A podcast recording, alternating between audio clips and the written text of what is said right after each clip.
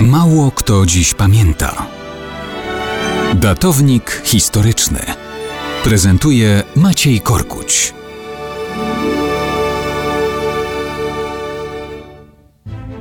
Mało kto dziś pamięta, że w lutym 1904 roku urodził się George Kennan, jeden z bardziej przenikliwych polityków amerykańskich. To on zapoczątkował przemianę amerykańskiej głupoty i ustępliwości wobec Stalina w twardą politykę hamowania postępów komunizmu. Trwało to trochę, bo otrzeźwienie przyszło dopiero w 1947 roku, ale mogło trwać dłużej.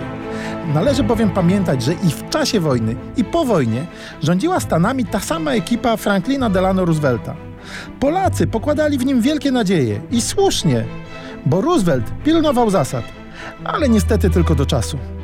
Jeszcze w 1942 roku, kiedy Brytyjczycy chcieli iść wobec ZSRR na ustępstwa kosztem wschodniej połowy Polski, Waszyngton krótkim żołnierskim nie sprowadził ich do pionu. Wszak Karta Atlantycka nie pozwalała na akceptację zmian granicznych dokonywanych przemocą bez zgody samych zainteresowanych. Wtedy, ku wściekłości Moskwy, USA nie pozwoliły na uznanie linii Bugu za zachodnią granicę ZSRR i wpisanie jej do paktu sowiecko-brytyjskiego. Ale już rok później Roosevelt żył mrzątkami, które zrodziły się w jego głowie. Ubzdurał sobie, że stworzy nowy ład międzynarodowy oparty o czterech policjantów strzegących bezpieczeństwa innych narodów.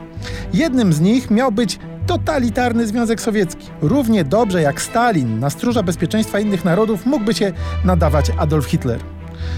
Ale co Roosevelt wymyślił, to robił. Stalin na tym korzystał. Amerykanie ustępowali, a Polacy w dramatycznych okolicznościach walczyli o miejsce wśród wolnych narodów Europy. Nic z tego. Roosevelt nie słuchał tych, którzy mówili mu, że Rosjanom trzeba stawiać warunki, żądać szacunku dla wolności innych narodów. Na amerykańskich ustępstwach żerował sowiecki imperializm. Potem Roosevelt umarł, a prezydentem został jego wiceprezydent, Harry Truman. Człowiek z tej samej ekipy. Sowietom nadal ustępowano. Zmianę tej polityki spowodował właśnie George Kennan.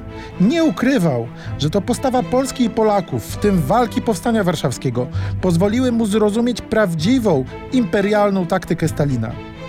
Jego tak zwany długi telegram z 1946 roku był pierwszą tak zwięzłą i przemyślaną analizą polityki sowieckiej na świecie. Z tego wzięła się doktryna Trumana, czyli doktryna powstrzymywania, a nie ustępstw wobec komunizmu. Dzięki temu w 1947 roku zaczęła się zimna wojna.